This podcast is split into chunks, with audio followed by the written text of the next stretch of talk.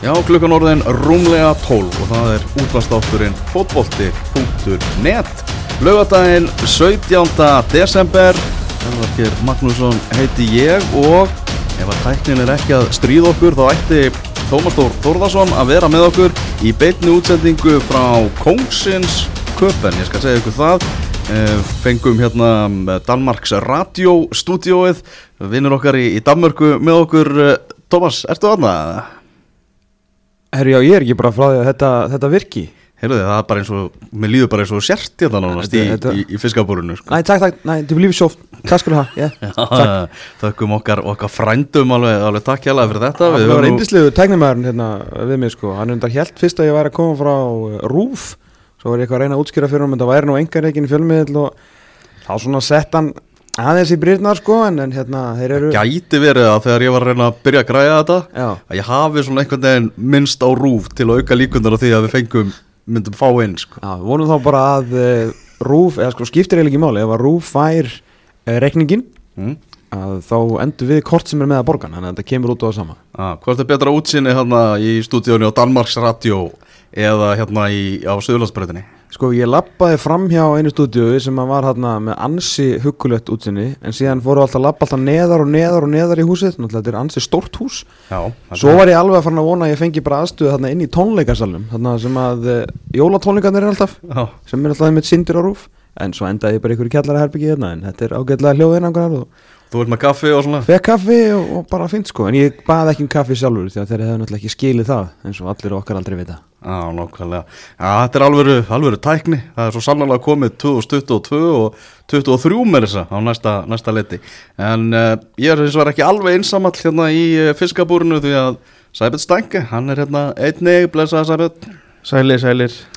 Heyrðu, það er náttúrulega þessi fótbollaleikur sem er á morgun sem er aðalatrið í þettinum í dag og við ætlum á eftir að heyra í Birgjum á Sævarsinni einum á strákunum okkar sem að já, hann bara þekkir það að mæta þessum liðum að mæta frökkum og mæta Argentínu og spila það náttúrulega á móti Argentínu á HM 2018 þannig að við ætlum að bjalla í hann hérna á eftir. Það er þessi úslitaleikur sem er náttúrulega á morgun drauma úslitaleikur eins og, eins og fólk er að tala um en það er náttúrulega líka leikurinn um bronsið sem að, sem að framfer í dag klukkan þrjú þar sem að Marokko er að fara að mæta Kroatíu og uh, þessi leið mættust um þetta í riðlakefninu, voru saman í riðli þá endaði 0-0 hvorki meira en minna. Og uh, hann sagði nú að fréttamann að funda að Valít vinnur okkar þjálfari Marokko í gera hann lofaði því Tómas að það yrði skemmtilegri fótbollalegur, opnari fótbollalegur þannig áeila leikurinn um þriðja sætið að vera á HM Það er náttúrulega bannað að það verið sér ykkur taktískur 0-0 sigur, ég meina skilar skilar bronsið að háa með ykkur veist, er þetta eitthvað olimpíu kvali eða eitthvað þannig? Að Er þetta ekki eiginlega bara mondréttur? Ég held að Jú, jú, og Já. eitthvað, þú veist, steg á FIFA-listanum eða eitthvað. Mm. Það er svona, ég held á svona stærstu þjóðum fótboltan sem nokkurn veginn sama um bronsið En við erum með Marokko og Kroatíu og það er þeir vilja alveg koma heim til sín og fá mótöku átöfna okkur torgi og veifa bronspenningum, sko Já, líka gaman fyrir þessa hérna gullkynnslóð uh, Króatíu, setni gullkynnslóð 2 að ná sama árangri og, og gullkynnslóð 1 og raun og veru fyrsta gullkynnslóðun alltaf eftir að Króatíu var bara sjálfstætt ríki raun og veru 98 mm. -hmm. um, ekki sjálfstætt ríki 98 en náðu bronsinu með náttúrulega geggjuðu liði á HM 98 og ég mani með sérstaklega eftir því að hvað þeir voru peppaðir í bronsleiknum. Þú veist, þeir, þeir vildu alveg bronsið. Mhm. og það er kannski kostur einmitt við að vera með svona minnið þjóðir með stór hjörtu sem að hérna, fara inn í bronslíkina það þú munt alveg sjá pepp fyrir þessu. Mm. Veist, ef, með, ef að undanúslitin hefði verið kannski eins og við höfum innan gæsilega óskæðra við erum kannski fjögur af tíu bestu liðum heims og við vorum að horfa núna á þú veist, ég veit ekki Portugal, Englandi eða eitthvað þú veist, um, um bronsið og þá væri kannski svona aðeins meiri leikurinn byður aðeins meira svekkelsi. Munum hvernig brassarnir í bronsleiknum voru þú veist, náttúrulega gjössanlega niður brotnir Mhm. þarna 2014 en þetta eru tveir þjóður sem að þú veist, vilja fá bronsið, það er vilja vera með eitthvað um hálsinn þegar þeir koma heim og allir ráðherra landsins. Ég gíska þessi þannig í öllum löndum að koma alltaf allir ráðherrarnir. Já, það er það er ekki bara á Íslandi? Ef, ef eitthvað, eitthvað vinst þá koma allir ráðherrarnir og, og sína sig og sjá aðra sko. Nei, við erum búin að sjá bara hverju er búin að vera sessunautar Infantino í gegnum þetta mót, sko. Hann var með Orban hérna. Já, já. Þetta Það er búið að vera rótara svolítið. En Marokkólið, er, bara, er ekki bara að fara að vinna þetta Sæfjörn? Ég menna Marokkólið er svo laskað það er búið að fara svo mikil orka í þetta hjá þeim uh, menn króatanir, þetta eru bara, veist, hermenn fótboltans, þeir bara klára þetta. Jú, ég held að þau eru vinna þetta. Þeir býstu þetta verði aðeins svona opnari leikur en hafi verið að, þe- þessi lið hafi verið að spila.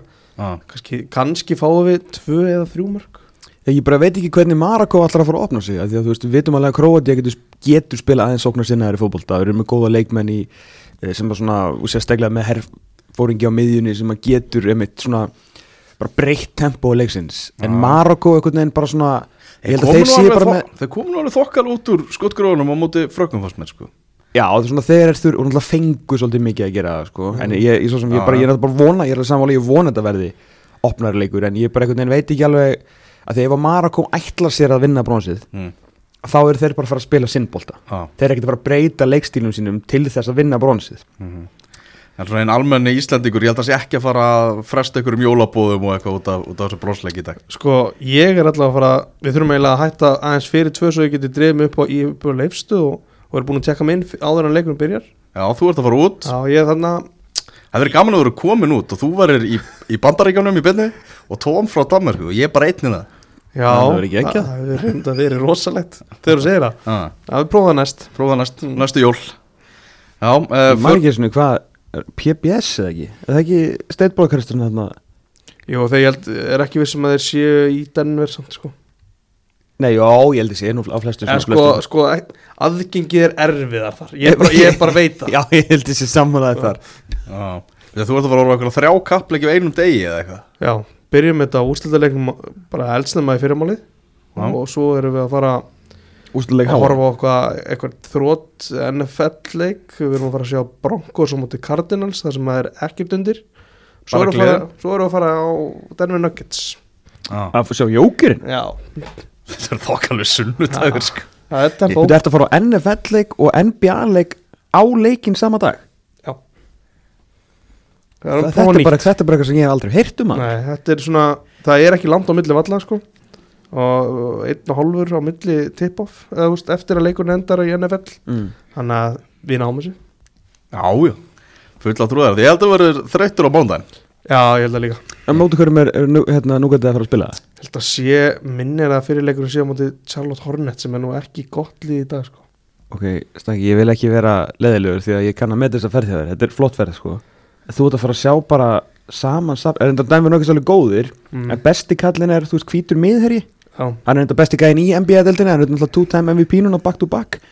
Uh, en hérna já, en ég held að papp Russell Wilson getur ekkert. Já, já, já, en þú veist, ég held að pappi Lamelo Ball haldi hann samt bestur í heimi sko. það er þetta rétt, það er góða punktur. Við erum að fara að sjá eitt besta leikmann í heimi. En þú er samt að fara að sjá jókurinn, hann er ekki ekki Þetta verður gaman hvað postaði hann um daginn, 40-20 Rugglaði. Eitthvað? Bila dæmi sko. En hvað ætlar þú að fara á Globe og, og í, hann í köpen Tóm og horfa á úrslitaleikin er það staðar sem við horfum á Leopold Ulfana hefðum árið það? Já, heldur betur. Það var, var skemmtileg, við vorum á emri hæðinni sátum við barinn, Já, var ekki í Gibúb eða? Jú, þetta er besti kynnastaðurinn bara í Kaupmannu Já. Uh, Ég er svona Ég er náttúrulega með konunni sko. Ég er ekki með Ekki með my work wife þér sko. Þannig að ég er svona það kannski að finna einhvern aðeins á, Ekki til þess að setja staði niður fattur En þetta er svona meiri Þetta er meiri duttastaður heldur en svona parastaður. Það er alltaf flottur karaoke stæði líka sem við verðum að taka í kvöld. Það var Sammarinn. Já. Sammarinn maður, hann er, hann er svakalur Ég, ég eru bara fimm staðir í Danmörku Því alltaf einhver segir eitthvað svona þá bara já ég er fórna síðast. Já ég er fórna Já, síðast það er eiginlega þannig. Það er alltaf sömu staðin alltaf sem Íslendingar heimsækjar Ekki alltaf þannig í, jú, rétt. í, í öllum, öllum borgum? En þá verða á tenni, það er bara að stopna Íslendingar bara. Það er rétt. Erum við ætlum eftir að, að eh, velja úrvalslið HM, úrvalslið heimsmeistaramótsins og einnig að senda 16 lega úrslutina ekki? Uh, 16 úrslitin. Úrvarslið 16 lega úrslutina, ekki alls það? Jú, jú, það er ekki bara Já, já, mitt var ekki þannig alltaf. Já, 16 hljóðslutur, já, ok. Já, það er náttúrulega kannski gefur auðvitað leiða það eru náttúrulega flestir. Hvað náttalega úrslitin eru búin og eitthvað, við að velja úrvalslið 16 úrslitina Já, ég er bara miskilda Já, hvernig þú fórst á því, það veit ég ekki. Hvernig er sambandið eiginlega við Danmörku? Saðan 16 hljóðslutur Hvað er HM komið langt þarna í, í Danmarku? Þeir eru náttúrulega hægt að fylgjast með í reyðleikefni Já. Það er hann er Og- og Það er Nei, það er, það er nokkuð ljóst. Heru, það er drauma úslitaleikur Argentina, Frakland uh, Messi gegn Mbappe og þetta er drauma úslitaleikur heimamanna í Katar þar sem þeir eiga bæði Messi og Mbappe eiga PSG þannig að það er er bara þeirra menna þar að mætast í eðumörkinni Strákarnir okkar. Já, ég ætla ekki að Segja segja þeir. að aðstu mennindir hann í, í Katar séu bara nokkuð sáttir við þennan úslitaleikur og það er eins og allir vita Messi að fara að spila sem síðasta HM-leik á ferlinum og maður bara finnur það veist, ég fór í árbæðabakar í vikunni og þar var bara ákveðslumæðurinn í Messi-treyju og heimsbyðin heldur með Messi. Já, það er líka sjálfsög heldur heimsbygðin með Messi, mér finnst það bara mjög eðlilegt. Flestir allana sem eru svona hvað uh, hvenar hefst þessi vegferð? 2006, 7, auðvitað 2005, 6, 7 auðvitað, þegar hann er að koma hann síðarður og, og nettur inn í þetta lið. Mm. hann er verið búin að fá núna veist, einhverju 16, 17, 18 leiktíðir af einhverjum töfrum sem að enginn bjóst við að vera til veist, menn sem eru, menn og konur sem hafa fylgst með fótbolta lengur við og eru eldri en við uh, vantarlega þegar Maradona endilega endanlega kvatti Mm. mm. þá var bara þetta mun aldrei sjá aftur og Messi og Ronaldo sögðu bara hold my beer og gaf okkur tvo áratugi af einhverju því ótrúlegasta sem við höfum nokkuð tíma séð og náttúrulega hafa fengið að sjá það líka keppa bara beint á móti hverjum öðrum í Barca og Real, ég meina those were the days my friend sko. Mm. en, en Lionel Messi er sá besti sem hefur nokkuð tíma gert þetta. Uh, bara svona með allan persónulega finnst mér bara munurinn á, á honum og Ronaldo. Ég ber náttúrulega ómælda virðingu fyrir Ronaldo en mér finnst hann svona meira svona self-made, þú veist hann vann rosalega mikið í sér, að mér finnst eins og kallin hann uppi hafi bara komið og, og kist lappirnar á Messi þegar hann var lítill sko. Það það, það finnst mér bara munurinn að þeim. Mhm. þú er hann alltaf hérna CV er á akkuleitin og titlar og mörk og stóðsendingar séu náttúrulega alveg ævintirlegt og mjög sambærlega þá er samt Messi aðeins fyrir ofan vi- vissulega og, og að og þessi leikur náttúrulega er ekkert að fara skilgreina síðustu tvo áratví fyrir, fyrir Lionel Messi eina sem hann gæti gert verið að setja alveg dísætt kissuber ofan á já, bestu fótboltaköku sem hefur nokkuð tíma verið bökuð sko. Já, nú sá maður ekki HM 1986 með þarna, allavega ekki gömgjafilega, ég var einsás mm. þegar, þegar, það fór fram. Ég hins vegar náði því. En þarna svona, búin að lesa svona það sem Gary Lineker er búin að vera að skrifa. Há, bara HM núna bara Argentina og HM núna Argentina og HM 1986 Já. Messi og Maradona. Hann sagði bara, ég sé bara nánast þetta er nánast endurtekning á, á sama móti að mörgu leiti bara, hann er að sjá einhvern veginn bara sama í, í gangi. Var Maradona ekki samt, þú veist, á mun hann ekki alltaf eiga besta einstaklingsmótið? Eins og segja, ég Já, sá þetta ekki já, já, en, en- ég menna, en ég menna, þú veist, Messi er búin að vera bestur á þessu móti. Já, já, já. Það er alveg klárt mál. Og hérna, þannig að hann sér alveg svakalega líkjandi þannig við. Já. en jú, allir Maradona er ekki besta einstaklingsmóti Já. nema bara Messi, skilur, takk hérna úrslitaðleika morgun algjörlega yfir og, Það verður rosalega frúð og vinna hann einn Og líka annað með þetta sko, þetta er náttúrulega hérna, þetta Messi gegn Mbappi og væri, væri rosalega auðvelt að halda með Mbappi, það er náttúrulega indislegt að horfa á hann spila fótbolta.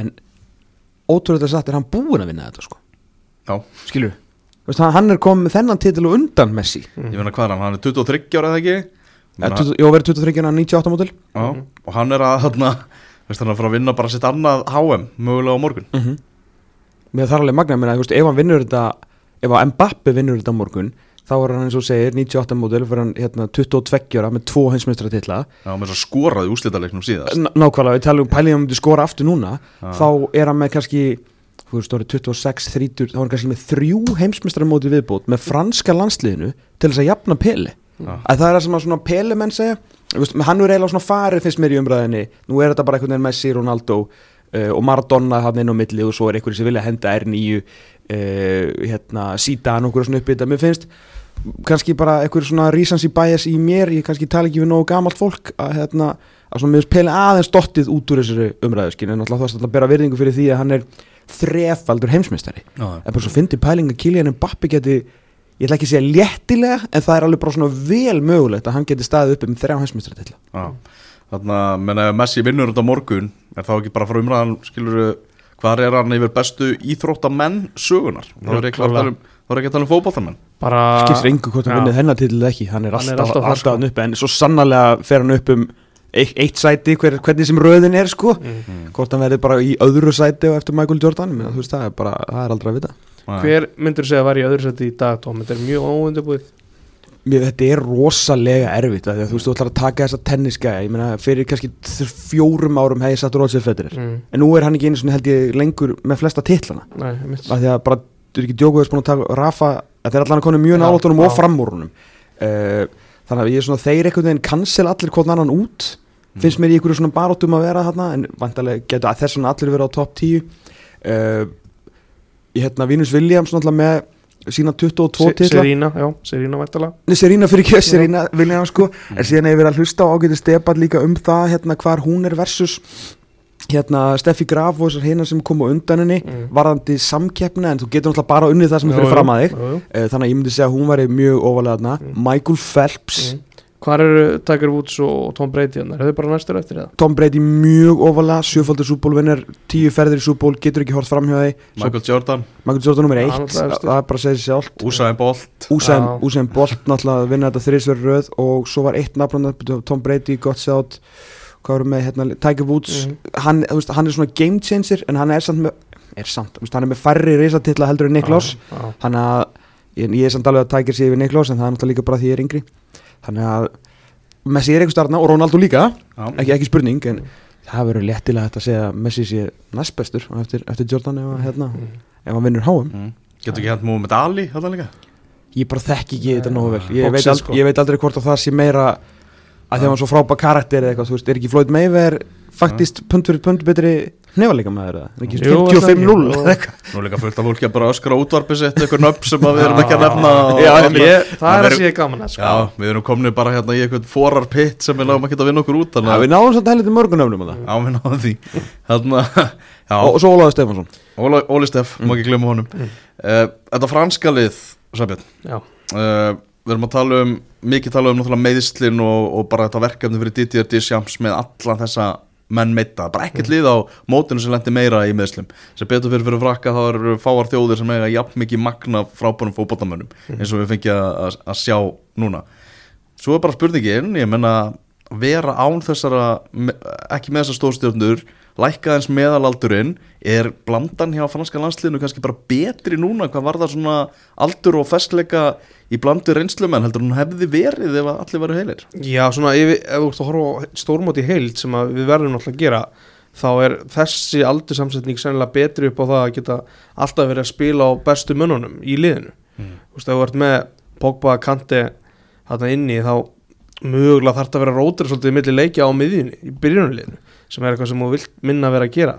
Eins og Rabiot og, og Tjómeni hafa verið að gera á miðjunni er bara frábært og ég vona svo innilega að Rabiot verið klár bara og verið búin að ná sér á þessu veikindum. Já. og svo náttúrulega Grísmann með sinn Já, sköpunum átt og útsjóna sem er ekki bara einn af bara leikilatriði Tom, bara fyrir argentinum en að stoppa Antoni Grísmann, bara gefa honum ekki færa það að vera að búa eitthvað til. Ég meina hann, jú ekki spurning sérstaklega því að hann hérna hann er inn í einhverjum svona heilugum ekki þrýning, bara svona einhverjum heilugum ring af einhverjum gæðum sem að henda honum svo vel, mér finnst hann þú veist það er svo mikið að gerast fyrir, í kringum hann og fyrir aftan hvað sem þessi tjá menni uh, sérstaklega það er tjá menni og veist, þá var hann með þú veist þessa svakalega vörd fyrir aftan sig. Eða svona þú veist þetta cover. Uh, þannig að hann þarf lítið að hafa áhyggjur þar. Og svo náttúrulega fram á við þú bara vantar battaspil, Giroud komur um í kanalinn, uh, hérna Dembele, gefa hann á besta leikmanni heimi í dag kannski. Þú veist, dátt með Kylian Mbappe og, en hann hefur líka eins og segir, gæði útsjóna sem er til þess að nýta alla þessa gæja hérna í kringu sig. Og meðan að gæðin eru svona svakalega mikil í kringum hann, þá týnist hann svona oft aðeins í leikjum, verður erfitt fyrir varnamenn að peka hann upp að þeir náttúrulega líka svo ógeðslega mikið að hugsa um Oliver Giroud. Að þú veist, það er erfitt, það verður mjög erfitt að reyna að alltaf leggja einhverja áherslu á hann og vantalega vera menn og líka að því að menn eru líka að reyna að leggja áherslu á Kylian Mbappe þá þess helst hérna en frekar fær Antoine Griezmann meira svona frjálsræðarnar miðinni og þú vilt bara alls ekki að Antoine Griezmann sérstaklega í þessari dökkbláu treyju þar sem hann er náttúrulega alltaf eins og fucking kongur sko, uh, fá upp okkur frjálsræði. En menna hvað ætlar að gera? Þú veist það er að tvöfald eitthvað við á Zíru, þú veist það skiptir einhver máli og þetta ekki séns, hann bara setur raskat í því og bara, hann bara skila boltan á það sem hann vill. Þú mátt ekki missa augun af Dembele þú náttúrulega getur ekki stoppað Mbappe þú verður sko á rafskútu, bara ekki séns þó hann verður sko modduð og svo hérna þarf Grísmann eiginlega ekkert að verjast að þú ert með trillta vörn og geggja að varta sinna miðjumann og geða eitthvað vinslu og lungu fyrir átt að sig sko. þarf kannski ekki að verjast en það sem ég er búin að vera hvað hrifnastur af er er samt varnar vinnan hans á þessu móti það er náttúrulega þú veist það sem hann líka lærti mitt í hérna, í allíku og Mm. bera virðingu mitt fyrir þessu liðsframlægi og ég held að með Didi til Sams kunni eh, Diego Simoni sko Já. bestu þakki fyrir að svona einhvern veginn imprenta þetta Akkurat. en hann og ég er, saman, ég er ekki að segja hann svindli ég er bara Nei. að segja þetta svona hann er líka bara svo klára að vita hvenar hann getur aðeins svindlað. Mm. eitt svindl hér. Talandi um Kong, uh, Didier Deschamps. Didi Já, náttúrulega bæði liða möguleika því að verða í þriðja sinn heimsmeistarar á, á morgun og Didier Deschamps vann sem fyrirliði heimsmeistartitil með frökkum og síðan sem þjálfari síðast. Mhm. þannig að frakkar aldrei orðið heimsmeistarar án hans. Eftir að eru heimsmeistarar síðast þá fekk að sér nýja tennur. Mm. en ekki bara í gulltennur ef að allavega svona eina hann er að fá svona eina svona storms í svona hægra megin það er geðveikt. Að, að bara þvílíku kongur þessi gæði Já, búin að sína, sína ykkur ræður þarna sko. hvað gerir hann ef hann hættir að nenna, þú veist bara ef hann segjum að þetta er bara komið gott. No. þó ég held reyndar að hann hafi alveg mikinn metna fyrir að vinna HM og EM sem fyrirliði og þjálfari. Já, eftir að Portugal hann svona hálfpartin rendis á honum á heimavelli. Ég, Mm. ég get ímyndum mér að það svíð alveg sko. Mm og svo náttúrulega bara púbuður í bussurnar hann náttúrulega á, á EM allstaðar fóru Mhm. náttúrulega miklu fyrir út en þeir alliðu þar þannig ég get alveg síðan taka allan að reyna við einn Europatitil en hvað svo, þetta er einhvern veginn segjum að verða Europamestari líka Já. þú er með heimsmeistari, þú er með tvo kannski heimsmeistari allavega einn og einn búin að gera allt þetta, þú veist, ferðu bara aftur í félagslega bolta eða bara sest í helgan stein og Ég held að hann haldi bara áfram í bara með, með, Frakland bara, þú veist, í 20 ár eða mm. prófa okkur nýtt Ég geti alveg séð að prófa eitthvað nýtt Já. Ég held að verið alveg nóg á þjóðum sem vilja fá hann. Já, já, ég held að það verða nú ekki vöndur á því, sko. Nefn að verið breytt reglunum hann Það var nú einhverjir englendingar sem voru að kalla eftir því að Það er bannað að hafa erlenda landslýstjálfara Já. Það þeir eru bara heimamenn. ennskast að segja heyrt. Mm. Já, nákvæmlega. Bara, bara að Gang- fe festa sáttgetarna uh, Skalóni náttúrulega hinum megin uh, Ungur þjálfari, yngsti þjálfari mótsins Og búin að gera mjög svo áhugaverða hluti Og uh, held að verið De Paul Það var einhver sem að í argentinska liðinu Sem að var svona að lýsa, lýsa því hve- hversu mikla stjórnan hefði á liðinu Og hann lýsti þannig að ef að Ef að Skalóni segir klukkan tíu um morgunin góða nótt þá er bara komin góð nótt hjá Mm. liðinu Mm. bara ef hann segir það, þá er það svoleiðis ok Það er bara þokkalega vel gert í honum að hafa þetta mikla stjórn á mönnum hann sko. Já, þetta hann svona gefi mönnum bara veginn svona, hann mikið, vist í einstaklings Mm. uh, samtölum og svona, Mm. þannig að hann er alveg greinilega með virðinguna klálega innan hópsins. Alltaf sé fyrst funda með Messi svo aðstofþjálfarinn áður en að tekin ákvörðin með hvernig liða á að vera? Ég get alveg trúa því. Ég meina þetta, Já, ég held að, ég held að sé líka alveg á stóra ástæði fyrir því að hann nýtur þessar virðingar er bara því að Messi svona eða bara lagði blessun sína yfir allt prógramið, veist, hann bara hérna, ok, líst vel á hann hérna, gamla aðstofþjálfara, hann má þjálfa þetta en hann þarf vantilega, hann þarf að fá hérna, menn með sér og það náðu sér ykkur að góðsagnir. Sá að það gekk vel hjá Ítali og svona. Uh, svo bara svona, herru, við fáum hennan í marki þannig aðstofnvilla, það gengur vel. Veist, hann svona bara leggur blessu sinni yfir þetta en það sem hann hefur tekið eftir um, aftur um móti tekið eftir, aftur um móti varðandi svona það sem að liðsfélagar hans er að segja þú veist, þeir eru alltaf náttúrulega það fer engin og blaðamar að fundi eða fyrir viðtala þessi spurði út í Messi eða út í argentinska landsliði og þeir eru mikið að tala um svona, þú maður, ef maður les, reynir að lesa gegnum línunar þú veist, þá er þetta ekki svona einhver svona róki eða stælari Messi. Þetta er bara svona genuinely, hann er bara að miðla reynslu sinni, ég hef unnið fleiri titla heldur en þið allir saman þó þau myndu markvaldaða með fimm. Mm Þú veist, og ég veit þetta alveg, þú veist, þegar þeir, hérna, Alexis McAllister komin í lið Breitonsstrákurinn, Já. um staðið sér vel hérna, hérna, fengið sín tækifæri. Uh, hérna, hann er svona rauðbyrkin það er náttúrulega hérna, svona, eitthvað, já, uh, rauðbyrkin einstaklingur. Og þeir kölluðu hann alltaf eitthvað rauð, rauða eða eitthvað, þú svona bara uh, veist, ég ætla ekki að setja sig eins og negrito en svona svipað fattur svona latínó slangur af því hann er svona er, er rauðari heldur en hinir sem eru svona dökkleitir og, og glæsilegir innan gæsa lappa sko.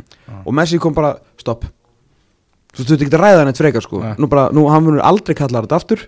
Punktu basta. Já. Skilur, hvernig heldur Alex sem kallast til líðin á vellinu með svona manni sem bara, bara ok, þú gerir þetta fyrir mig ég bara gerir allt fyrir þig. Og jú, jú, þjálfara líka en aðalega Messi samt sko. Mhm. Þessi úrstæðleikur á morgun Þetta verður rosalega jafnleikur og er þetta ekki að ráðast mögulega bara á einhverju einu einstaklingsframtæki bara einhverju einu mómenti sem að verður bara greft einhvern veginn í fótboltasöguna það væri óskandi. Já, þú veist, og reynda að það eru fleiri moment sem eru greift í fótboltasögur sko.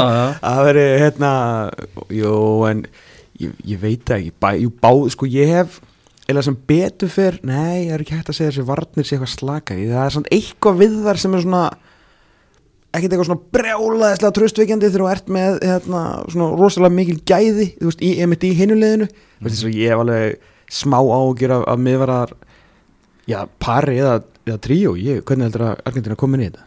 Ég held að fari með tvekja hafsendakerfi Já, það ekki Já. Já, Ég fór í, fór í þryggja hann bara til að spekla hollendingarna sko. Emitt, emitt, og það verða svo sem bara í tvo, teimur hátna en, en ég get alveg séð Oliver Sirú hafa ansi mikil áhrif á hann fótbollarleik Mm. Já. það er Já, svona ég get séð hann svona sem svona nánast stærsta faktorin sko. já, allavega hávaksnasta svona ef við allan tökum bara út aðeins út fyrir svega hérna, þessar tvo bestu í heimi sko, sem eru þarna á hérna, sikur Mm. kantinu sko, Mm. og sikur með vallarhelmingnum að þá svona allan við vonum að þeir verði einhverjir katalistar í þessu leik. Þess, við þurfum eitthvað, helst náttúrulega bara eitthvað shootout frá þeim, værið allan að það er skemmtileg sögulína en ég er svona þó argentinska vörðinu staðið sér fanta vel og, og svona það er ríkala gaman að sjá hvað er mikið konmeból í þeim veist, það er bara olbúar í bak og sparki hnið og öllum sagt að fokka sér og veist, það er, þetta er svona alvöru þetta er svona alvöru Suður Ameríku Mm. svona svo Suður Ameríku kemnar voru í gamla daga þegar maður var að horfa á hérna þegar Logi og Hemmi Gunnar var að lýsa og það voru allir bara í slag. Þegar einhvern veginn fært svona 90s kormeból bara inn á þetta HM ofan á bara svona, svona smá hvað var að segja, evróskan stíl og það var bara staðið sér fanta vel sko. Og ég held að þeir séu líka meiri fáutar heldur en frakkanir Mm. hvort að það muni svona skipta máli á morgun Þeir sem verður meiri fávitar þeir munu lifta byggandum Já, það verður alltaf argentinum en hvort að það verður nóg sko, maður bara, maður veit það ekki alveg. Það er náttúrulega mikið, mikið í hú á morgun aðal málið er þessi stitta sem er að fara á loft. En svo náttúrulega líka bara Mbappe og, og Messi að berjast þarna um guldskóin og ég vil Alvarez líka að taka þátt í því með að Hvort myndu þið taka í markið á morgun? Eða mættu ráða? Hugo Lloris eða Emi? Alltaf Hugo. Alltaf Hugo? Já, ég myndi taka Hugo fyrstu 90 og svo myndi ég breyta í Martins Já það er þetta taka, taka vangalskiptingu en ba- bara sko með að við framistuðun á mótunum er bara að Hugo búin að vera geggjaður. Ég Martínisson er ekki búin að vera næst slagur sko. Nei, en Hugo betri. Já, ég, já, ég, ég held ég myndi taka Emi Martins í hérna leik, það er eitthvað það er eitthvað ára yfir honum hérna, í þessu argentinska liði sko. Það reynda var flott myndband þarna sem að var, veit ekki hvort það var háluleika fyrirleik í göngunum sko. Mm. þar sem hann var svona peppa menn menn voru bara býða til því að lappa út á völlin sko. Mm. og hann bara kallaði á leysfélaga sína bara þeir þurfa að myrða mig ef þeir ætla að skora. Þú veist ég er búin að loka þessu búri sko, hann er svona hann er svo mikill late bloomer ah, að það er eiginlega engu lægi líkt. Bara ef, hann myndi, ef ég væri hann þá myndi ég hérna drífa með að skjóta eina hérna, auglýsingu til þess að raun og veru svona alveg stela þrumunni af Hannesi Halldór sko. ég meina gæði var ég veit ekki, þú veist, auðvitað veit, veit þetta flestir, en það er alltaf gott að, að reyfi þetta upp, að áður en hann fær þetta óvönda tækifæri í Arsenal-liðinu mm, út af meðslum hann að Bentleinu á sín tíma hann var í tíu ári í Arsenal sko mm. Mm, tíu ár alltaf bara eitthvað sendur út á lán og eitthvað svo mætir hann í lið og bara, herru, hann er bara svona fjóru svona bet heldur en Ben Leno. Herru, shit, hann er bara eitthvað þreim bestu leikmannum í Premier League. 20 miljonar mút við Aston Villa byrjaði vel, smá dífa, aftur góðu núna inn í argentinska landsliðið á fertúsaldri búin að vinna Copa America titilin sem að þeir bara gáti ekki unnið og Messi gæti aldrei unnið sko. Mhm. þannig að nú er hann komið landst, eða, semst, álfu titil eins og Cristiano Ronaldo og svo getur hann verið heimsmyndstara morgun. Allt bara svona eða bara setna heldur en að Hannes Halldórsson fór á stað og okkur fannst, og það er mögnu saga sko, en þetta er, þetta er ótrúlegt. Já, algjörlega. Er Alvarez ekki að fara að byrja á morgun, Stengar? Jú, Alvarez og Enzo. Enzo bara þeir hafa gert undirfallan líki Já, það verður lítið breytinga fyrir þennan leik. Ekki bara Otamendi og hérna Romero í vörninni, ég held að Lísandro verði hald, aður á bekknum sko. já, það er bara me- mesta spurningi með frakkana hver, hverju verða heilir heilsu og svona. Já, betur var ekki, var ekki Kóman, það var svona eitthvað aðeins tæpur Já. komið, hann var eitthvað komin smá veikindi. En hann er svo sem ekki búin að vera í byrjulismæður Emmett hann er spurning með Rabiot held ég. Mm. Konate kom bara flottur inn í vörninni á frökkunum. Þannig að já, þetta er spurning með Adrian Rabiot. Já, ég ætla að spá því að frakkar vinni þetta á morgun. En Argentina verður betri í leiknum. Það verður svona mm. einhvern veginn takt við Frakland á þessu móti sko Mm. og, og sérstaklega í útsláttarkeppninni. Um, og þetta, þetta endi í tárum já, ég vona það svo sannlega ekki. Ég vona að Messi vinni þetta en þetta, þetta er mín spá. Ég, ég er svona hallast að því svo að segja en ég ætla bara að reyna að síkrita þetta. Og uh, vil bara segja 2-1 Argentína. Messi með bæði. Ú, Tveit Frakland Þannig, þannig fyrir þetta. Jafnvel 1-1 og svo 2-1 í framlengingu en það endar 2-1 fyrir Frakland Þau þurfum bara að koma sér vító. mm. Þá veitum við hver vinnur. Gerum, gerum smá hlýja á þætturum svo er það uh, úrvalslið HM og, og, og ímislegt fleira og Birkjum á Sæfason einnig Já, velkomin aftur, það er útastátturinn fótbolti.net, Elva Geir og Sæbjörn Stænke hérna á Suðurlandsbrautinu og í beitni frá Kongsins Kaupmannahöfn í beitni frá stúdíu Danmarks Radio er engin annar en Tom Tómas Þór Þórðarsson, aðeins að kíkja hérna á frendur okkar fyrir, fyrir jólin smörri bröð og allur pakkin eða, hvað, Tom? Já, við hérna ákveða að panta ekki núna þess í dag af því að hérna, ég vissi hvernig kannski maður með tæku smá túrum Damarsradio en við hefum ámanns pantað á morgun og, og samt ann á, á mánudaginn í, í hátinu þannig að maður klikkar náttúrulega ekki smörri sko. Nei, nei, þetta er vel skipulag. Já, Erum við erum að vera að hitta upp fyrir þennan úrslitaleika á morgun. Mitt Argentínu og Fraklands á, á HM og það er komið að því að við ætlum að velja, velja úrvalslið HM Tóm, þú hendur upp liðið hana og Já. ég hendur upp back. Já, og svo erum við með Stænka hérna. Sem á skipta. Já, sem má skipta ef þú vilt henda einhverjum inn á backnum þá, þá bara gerur það. En ef ég er bara algjörlega ósamar ykkur í einu höllu og er ekki sem er minn mann í hópnum. Já, þá bara kvartar við því. Ég, þá bara, þú veist, við, við reynum að komast bara að niðurstöðu skilur. Já. gott, gott, gott mál. Herðu, uh, ok liðið sem að þetta er semst úrvalslið 16 úrslildina Já, frá, eða frá 16 lúrslið sem er náttúrulega bara, þetta er bara skilur Frá náttúrulega útsláttarkeppninni. augljóslega þeir sem að komast lengst í þessu Já, akkurat Herra, þetta var svolítið erfitt með, með Markmann. Uh, langaði að setja Bono á þarna og mögulega á að bara skili þannig að kannski endar hann í liðinu. En ég setti Hugo Lloris Já. í markið uh, hjá, hjá frökkunum. Uh, Varnar eða bara fjóruð þegar þrýr uh, afskaflega basic. Hæri bakur er Akram Hakimi hjá Marako Josep Guardiol, Kroatíu. Setni miðverurinn það svona eiginlega ég veit að hann var mikið, mikið mittur en bara það þurft að gefa allan að marokosku vörninni Pep og náttúrulega svo er þetta einn á mínum mönnum í, í Premier League. Uh, þannig að Roman Sæs komst, komst í liðið en það er alveg upp, upp for debate vinstri bakur er sálsög Tío Hernández einn á miðunni Sofian Amrabat Marokko, Ariel uh, Chouameni uh, Fraklandi og Luka Modric uh, hjá Kroatíu. Framlínan var lang eh, einfaldast. Lionel Messi og Kylian Mbappe á kantonum frammi Oliver Giroud. Eru Amrabat fekk eh, rós frá Emmanuel Macron Fraklandsfósetta, var ekki að tala um að hann hefði bara heilsað upp á marokkóska liðið mm? í klefanum eftir, eftir leikinu móti frökkum? Og bara bent á Amrabat bara heyrðu þú er búin að vera besti miðumæðurinn á svo móti. Já, Macron þekkir þetta sko. Og hann er með, með leikskilningin sko. Það er alveg hljóst Gott eye-test hjá Macron. Já, og spurning hvort að þú fáir ekki Amrabat í, League, Thomas Það kem ekki óvart, það er mörglið sem getur notað Sofian Amrabat eins og hann spilaði þarna. Umbóðskrifstofan hans vill að hann fari í Liverpool það er draumurinn þeirra. Já, ég held að þeir þurfa að aðeins yngri mann. Hvað er hann gæðan, ekki 26? Það er 26 jú. Já, ég held að Leopold sé þeir verið mjög mikið, gæti svona þú veist, eða fáin okkur um spotprís út af þetta Artur og Melo kaupið náttúrulega misað, þú veist, alvarlega eða, eða lánsamningurinn þannig að eh, til þess að hans að fá okkur cover en byrju, hvernig eru þeir aftur með, já Enzo Fernandes já. ég skil ekki, er samt sem fréttamaður hér stængi, mm. uh, er Enzo komið í janúar eða sumar? Sko það er komið eitthvað samkomulag við Benfica um hvað þeir þurfa að borga held ég Ok, Ég er ekkert vissum að Leopold sé að fara að borga ég skil, ok, ok, ok Já, það er alltaf ef að Liverpool ætlar að fá sér sko bæði Jude Bellingham og Enzo Fernandes mm. hann fara að borga rosalega mikið pening. það er vel yfir 200 sko. Já, þá er það bara yfir 200 Setið eitthvað út á þetta lið? Heru, Ég ætla að taka back in. Já, Þannig að varamarkurður í liðinu og myndist á, á Bono. Já, Það er rosalega erfitt að velja satt á milli hans og Livakovic. Það er mitt. Mm. Já, og ég vel Livakovic.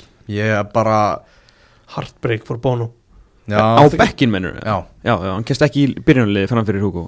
Nei ég er bara Ég les back in Ok, og svo kemur Stanke og velur einhverja menn inn sko. ok. Það eru Ivan Perisic þeirra á bekknum.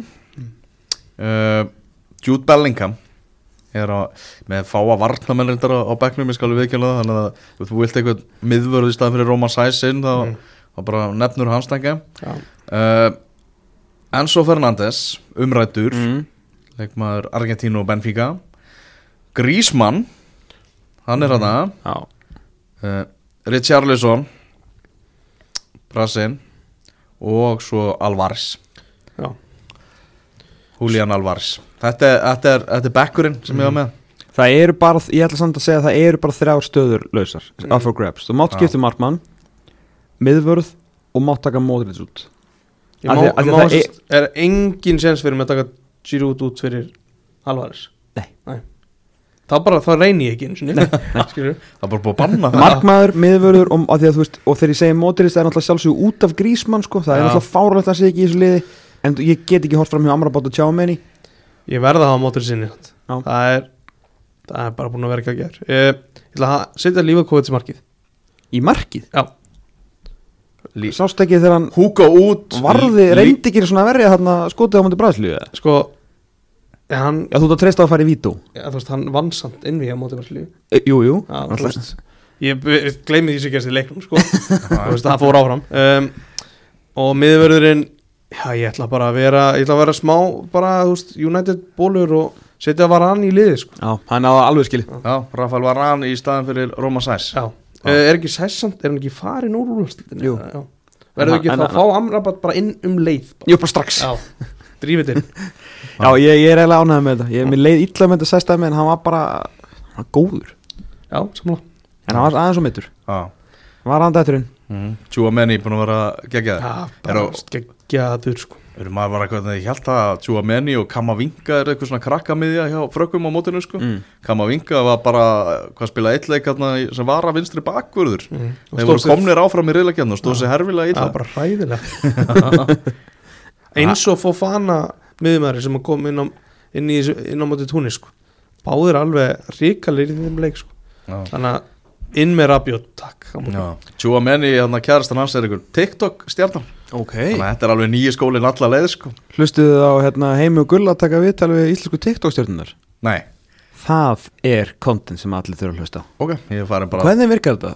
Einn nýtir á takkan og þá sjáum þetta allir Þetta er að finnast í nokkuð mann heilt sko Það eru liðið sérst á Lífakovic, Gimi, Guardiol Varan, Theo Mm. Amrabat, Tjámeni, Modric, Messi, Giroud, Mbappe Já, það er skil. reyndar skeggja lið sko. Já, það er gott lið.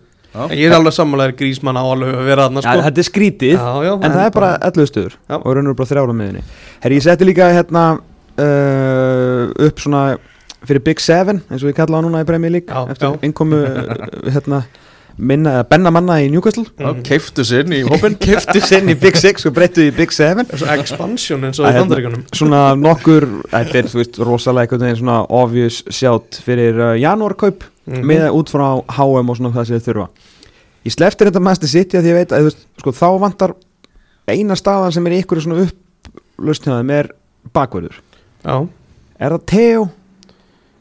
uh, já, Að, sko, já náttúrulega- þeir, það vantar hann samt bara vara bakverð því að þú veist, Cancelo og Walker er náttúrulega bara mögulega tveir bestu bakverðin í deildinni Mhm.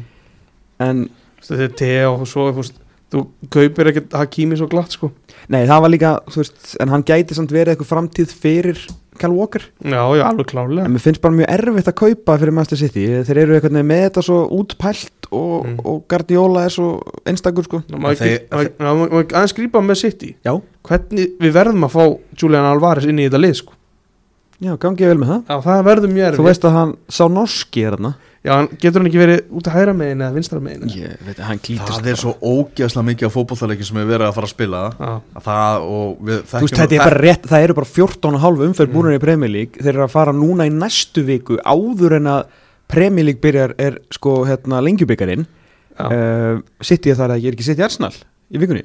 Gott ef Mm, ekki Jú. ég held samt að hann, þú veist þeir sem voru á háum, þeir spila þannig leik Nei, nei, nei, ég er bara að tala um og svo náttúrulega í Champions League og, Já, já. og þeir eru að fara langt í öllum kefnum þannig að það verður nóg fyrir Julian Alvarez að Og ég hef spila. heyrt að stjórinn hefði hann séstuðu til í róteringar og svona. Mm. Hann hefur reynda mjög lítið verið til í róteringar á Elling Braut Mm. Hann startar alltaf ef hann er heil sko. ég vil fá að sjá minna af Grílis og Mares sko. meira af Alvarez.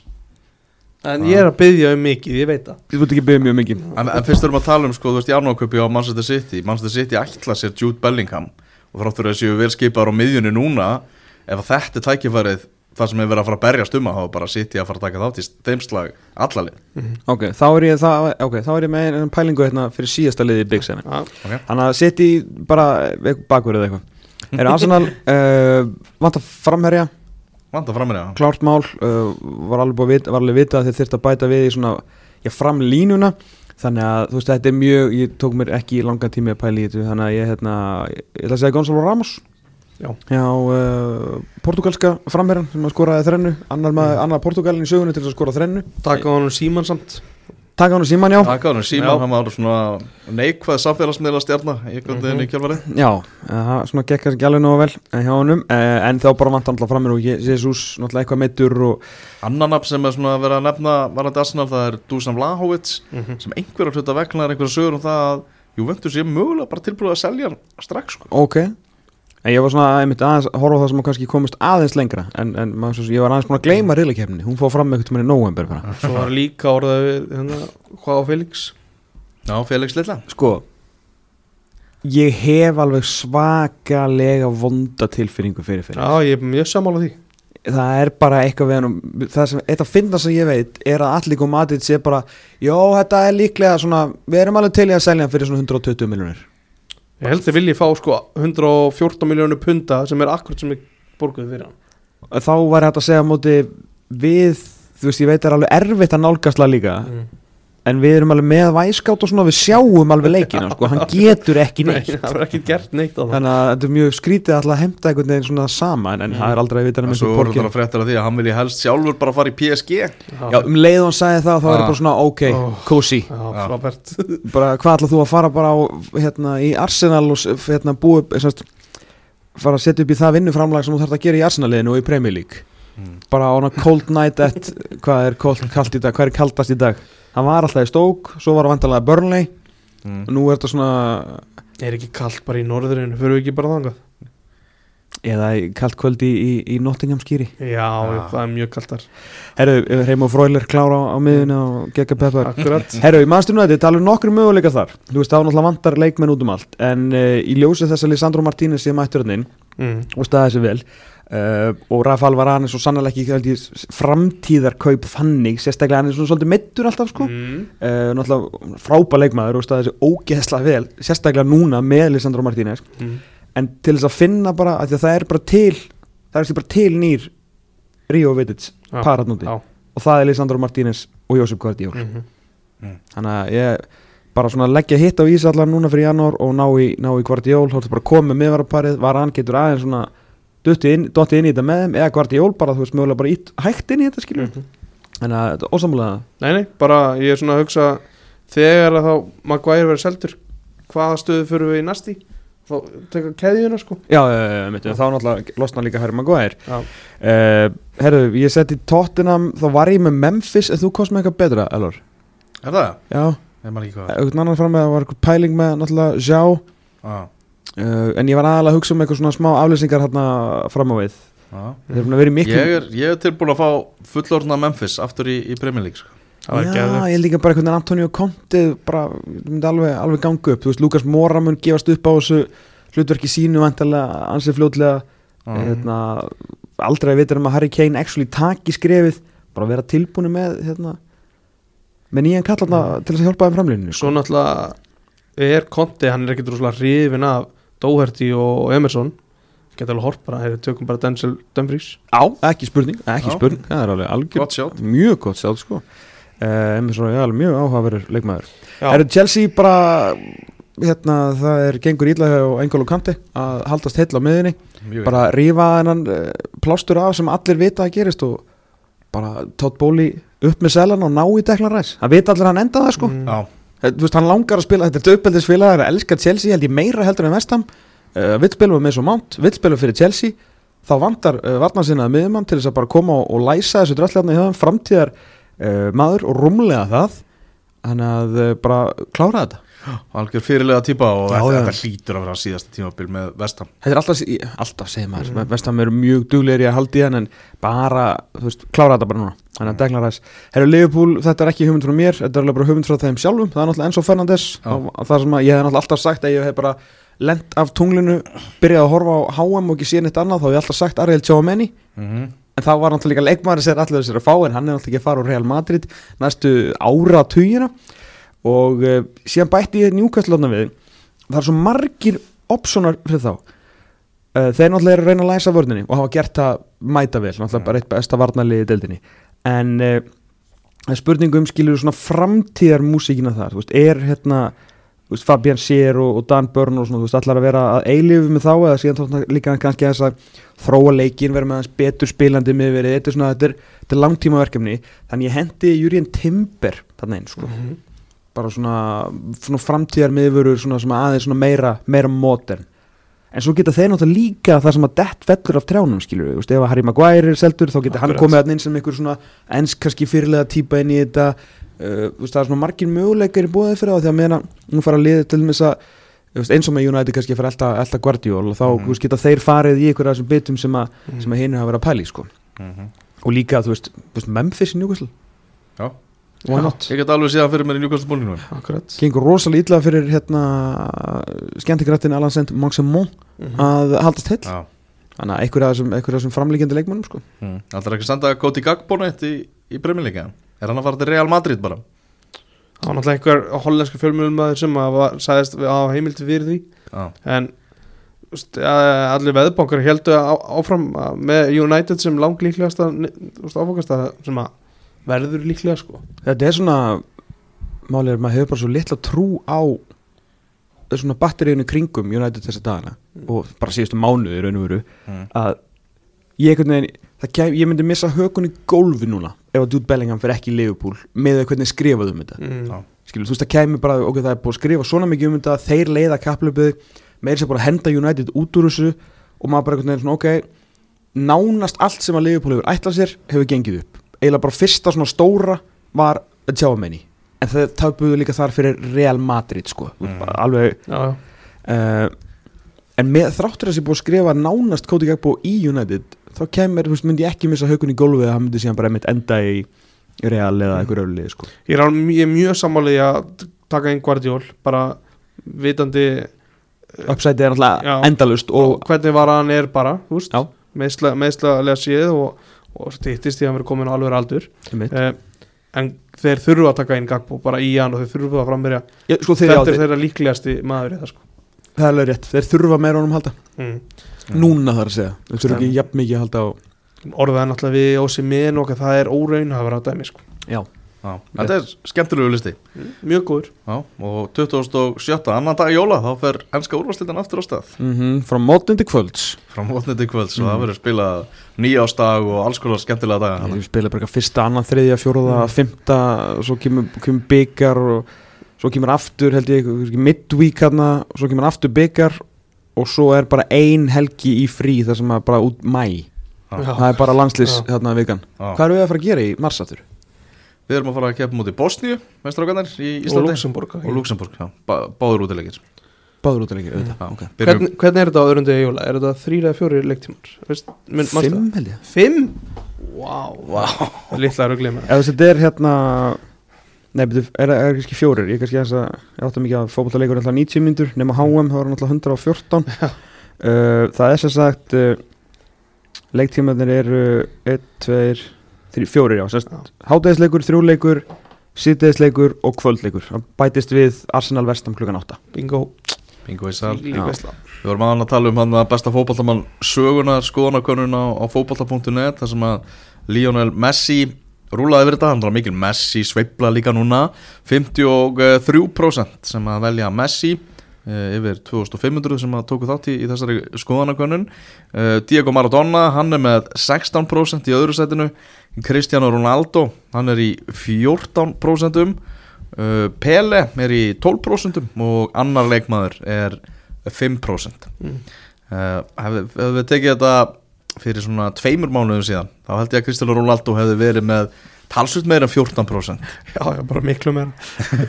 Já Þetta er náttúrulega svona fyrir utan hvernig hann hefur komið fram og spilað upp á síkastíði þá náttúrulega hefur Korki, konan hans, nýja sýstir hans verið að hjálpa, gera hún mikla greiða sko, hann er búið að vera svolítið PR slís, skemmtileg hvernig lagsamt út hann myndbandi og klefa honum.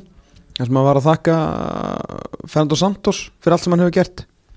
Það var svona, það var svona þægilegt svona inn í umræðuna. En. Það er neikvæða fyrirtnar hafa svo sannarlega uh, svona, er að yfirbuga allt hvað kemur að Cristiano Ronaldo þess að dana sko. Mm. er hann ekki ennþá atvinnulegs? Jú, hann er ennþá atvinnulegs og, og er Fernando Santos líka orðin Mm. atvinnulegs, þjálfari portugalska liðsins hann var bara látin fara hann var með samning út uh, EM Já, en hann var bara reynilega rekin eftir að liðið tapaði þarna fyrir Marokko í, í 16. lúðslitunum allar ekki að fá hérna að taka handbóltan á þetta erum með uh, Mourinho með Róma og Portugala Það er vist uh, viljin hjá þessum ákjönda fórseta portugalska sambandsins Mm. hann vill Mourinho en svo er ég ekki alveg viss um það hvort að Róma sé mikið að fara að samþykja það að vera með Mourinho bara þarna í einhverju hlutastarfi En er þetta Róma eindir ekkert á, á enda komið? Jú, það stýttist í það Er það? Mér finnst einhvern veginn full sveifla í þessu sko. Jú, já, já, já. Ég, það kemur óvart að Mourinho myndi taka við taka við portugalska liðinu núna Já, kannski en, Fara þær í krakkana því á sporting eða? Það er nú Já. ekki líkt Portugals en Fernando Santos skilur eftir sig er hann Evrópumestara titil 2016 og mm. unnu þjóðatildina líka Já, það er nú gemmalegt Já, bara helviti fínt fyrir landslistjálfara Portugal að skila tveimur tillum í hús Já, bara á Mm, fyrstu, já. fyrstu tillin í sögunni, ekki? Jú, Já, fór í úslaleikin hérna náttúrulega á heimaðalli, töpuðu því því miður og síðan ég þetta bara, var þetta ekki bara annar úrslitaleikur eða í sögunni, er ég að byrja það? Munið þetta oft topur í vett? Þurftir að fór í úrslitaleikinn? Það er sér okkur rétt þér Já. Eusebio komst ekki í úrslitaleik, nei, hann tapaði undanústlum ekki, jú. Hvað heitir hérna gamli stjórin hjá Benfica, fyrirverandi stjórin mögulega? Gamli kallinn sko. Jorge Jesus? Já, nei, ég held sér ekki tala um hann. En já, við, við leitum lengur að að næsta stjóra. Já, hendið ykkur lista. Hver, hver tekur við, hérna, við, Portugal? já hann að belgarnir þeir voru bara að auglýsa þetta á netinu sér. það var svona KSI feelingur við því, ég er nú gaman að því. mjög þú veist, skemmtilegt að auglýsa eftir landslistjálfara liðsar sem er í öðru sæti á hérna uh, heimslistanum. Já, og búið að vera lengi í fyrsta sætinu. Já. Þess vegna fannst mér mjög sniðu þetta var líka fólk að kvarti við því að var auglýst starf EMAs knarspytumála Já. en svo er hundra svona starra samband að auglýsa til landslistjálfara Já. Þetta án og gaggrina KSI fyrir ansi margt en ekki það að auglýsa starf til, sölu sko. Það getur nú ekki annað verið en þetta sé að sagða einhverju regluverki það eru hundra prósent þannig sko. Ég verð allan til að sjá einhverjur umsóknir því að það eru pottið einhverjir svona þjálfarar í B-deildinni eða C-deildinni sem að halda þér síðu skiluðu next big thing. Já. maður þekkir þetta hérna heima sko. Ég held að allt sem er sendt á þetta tölvupostfang fari beint í ruslakörfuna. Ég held að þeir skoðu þetta ekki. Já, Belgia er að fara að velja sjálfur hver verður næsti landslýstjálfur Já, En við var hættur Robert Já. Þú veist, sa- hann sagði upp. Já, hann var vist búin að ákveða fyrir mótið. Ok, en sagði hann upp sem yfirmaður knarsbyttumála Já, hann er bara Þannig að það er, en verður ný- nýr þjálfari líka yfirmaður knarsbyttumála Stóð það í brif í auðlýsingunni Nei, ég held ekki. Þannig að það eru tvö störf til tvö störf, belgíska sambandi með tvö störf til. Ég ætla að skjóta það inn í að Jorge Jesus er nafni sem er rétt, var rétt? Já, það var Jésúsin Það var hann fór til Brasilíu held ég. Jú. Vann deildina þar með einhverjum yfirbyrðum Já, sækjum hann heim til Portugal. Já, fá, fá hann. Jésús heim. Já, Já, það var þetta mjög skemmt Var hann ekki alltaf tjúlaður á hliðlinu Gekkjaður Já, einmitt. Var alltaf í fílíku bífi við Manchester City líka. Já, það er rétt. Hann og Gard Guardiola eldri Jakkafata Graf- Jakkafata þjálfari Já, Verður sákett áfram Englanda já. Ég held það. Önnur spurning, hvað gerir hann eftir England? Vá, þetta er mjög góð spurning sko. já. Ég meina, Allir þjálfara ennska landsleisins hafa verið hérna náðu einhverjum svakalugum árangri í félagslega boltanum allan svona eftir því sem að ég mann eftir mér skilur Já. með hérna, með þess að Stíma Klari var búin að gera þú veist á undra hluti með Viddelsboro og eitthvað, hvort hann búið með Fulham líka ég man ekki alveg hérna tímalínni í þessu.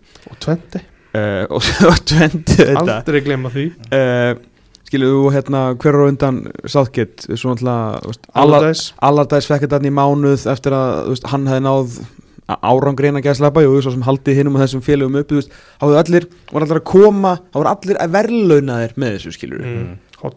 Uh, já, nákvæmlega. Þetta er langar og góðan fyrir og svo náttúrulega Úst, Það var úrstættar einhverju með Fúlam, er það ekki toppurinn í Hodgson eða? uh, Evrópu, Evrópu dildar eða hann að Nei, var það ekki McLaren?